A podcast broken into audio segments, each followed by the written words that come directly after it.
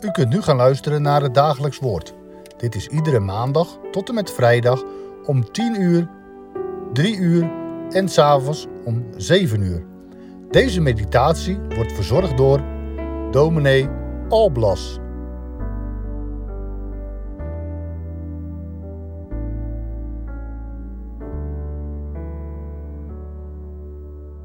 Wij lezen deze week uit de brief aan Efeze. Dat is een brief die boordevol met praktische handleidingen staat, handvatten, voor de gemeente die zijn weg vindt in deze tijd, in deze wereld. Dus ook een brief die voor ons van groot belang is, want ja, ook wij zoeken onze weg samen als individuele gelovigen. En dat valt niet altijd mee. De kerk is in deze tijd een instituut wat er niet zo goed voor staat. Het imago is niet goed. Natuurlijk speelt de verdeeldheid van de kerken daarbij een grote rol, want dat stelt voor veel, veel mensen voor een groot raadsel. Als je al een keer nieuwsgierig een kerk zou willen bezoeken, naar welke kerk moet je dan? En als je een paar verschillende bezocht hebt in je zoektocht, dan komt al snel de vraag: wie heeft er nu eigenlijk gelijk? En als er dan de berichten hoort en leest over wat er in de kerk allemaal gezegd wordt over elkaar, met woorden gevochten wordt met elkaar, omdat ze ook zelf niet weten wie er eigenlijk gelijk heeft, iedereen overtuigd lijkt te zijn van eigen gelijk, ach, dan blijft er niet zoveel aantrekkelijks meer over. En dan klinkt dit Bijbelgedeelte nog altijd zo actueel. De kerk is van Christus. De gemeente is het lichaam van Christus. En Jezus is het hoofd. Het gaat bij de kerk niet zomaar om een clubje, het gaat om Jezus Christus. Het gaat om Hem die uit liefde zijn leven voor ons heeft gegeven.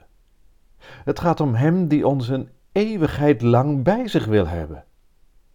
Juist daarom geeft Paulus hier van die belangrijke handvatten om kerk te zijn in deze wereld. We gaan ze lezen.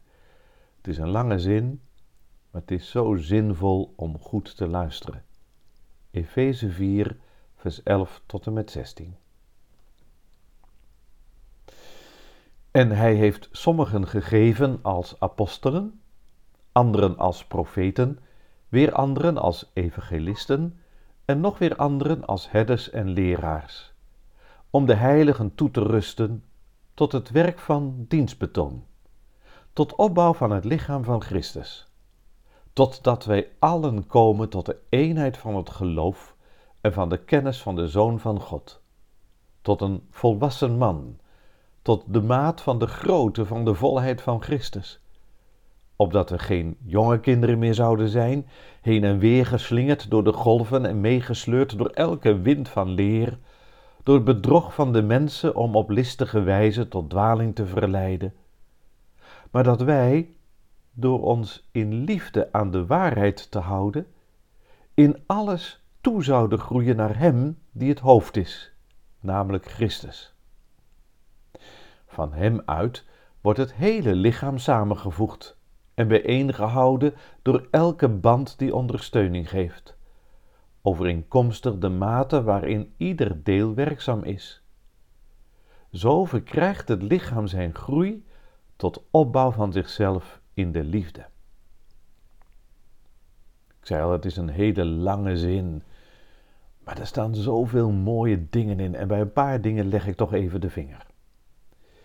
Allereerst is duidelijk dat de leiding van de kerk er niet voor niets is.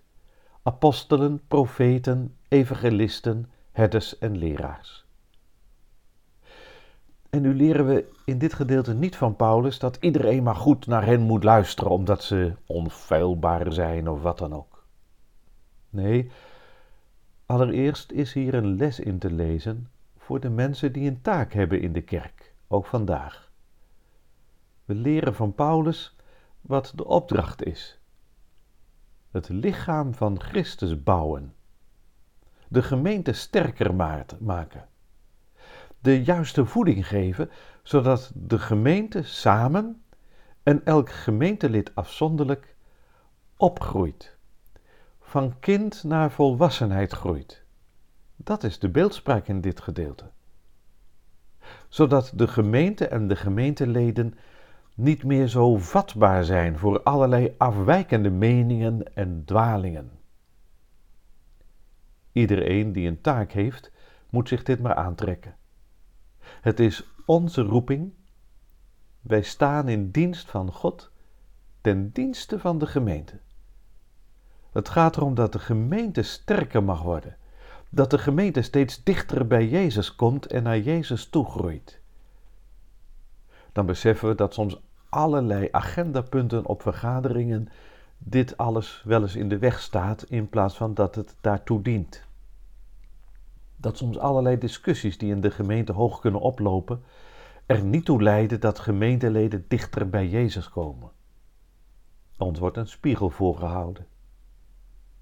Aan de andere kant is het juist ook mooi om te zien wat er allemaal mag gebeuren in de gemeente. In de zondagse verkondiging, in door de week samenkomen rondom het woord van God, in allerlei andere activiteiten die plaatsvinden, en ja, ook wel bij agendapunten op vergaderingen. Wanneer we in de gaten houden waar het om gaat, nou, dan is het ook zo mooi en dan gebeuren er ook zoveel mooie dingen. En dan mag je ook zien hoe gemeenteleden echt mogen groeien, sterker mogen worden in hun geloof. Meer mogen gaan stralen, ook soms ook in hun eigen omgeving. Dat je van mensen hoort van, ja, nu horen mensen dat ik geloof. Rondom geloofsbeleidenis doen was dat zo. En ik vind het helemaal niet vervelend dat mensen erover beginnen. Vroeger wel, maar nu niet meer. Vind het mooi om erover te praten. Een stukje groei, men komt dichter bij Jezus te staan. Je wordt sterker. Ja, daar mag het om gaan. Elk gemeentelid heeft natuurlijk wel de opdracht om die voeding te gebruiken, zodat je ook inderdaad sterker wordt. De geschiedenis van de kerk heeft geleerd dat de leiding van de kerk er soms wel eens naast zit, soms flink naast zit. Neem de Reformatie maar. Maar de geschiedenis van de kerk leert ons ook dat er steeds weer mensen zijn die denken het beter te weten dan al die, die, die leiding van de kerk ook voor hen.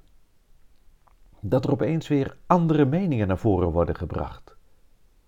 Ja, en iedere keer zijn er dan weer mensen die helemaal enthousiast raken en, en dan met kritiek komen op de traditie van de kerk. Het is vaak wel iets wat het lichaam verzwakt, wat ervoor zorgt dat het lichaam afbrokkelt. Paulus waarschuwt daarvoor. Laat je niet gelijk meeslepen door mensen die, die soms met allerlei Bijbelteksten allerlei afwijkende meningen geven. We staan in een traditie. Die traditie is er niet voor niets. Niet dat het feilloos is, maar het wijst ons wel een weg. En met grote klem roept Paulus ons ook in dit gedeelte op om in liefde ons aan de waarheid te houden. Maar ja, dat is tegelijk wel een ingewikkelde zin. Wat is nou waarheid? Wie heeft er gelijk dan? Ja, eigenlijk zijn dat verkeerde vragen. Het gaat in de Bijbel nooit om wat de waarheid is, maar wie de waarheid is. Het gaat om Jezus. Het gaat om Hem. Het gaat om Zijn woord.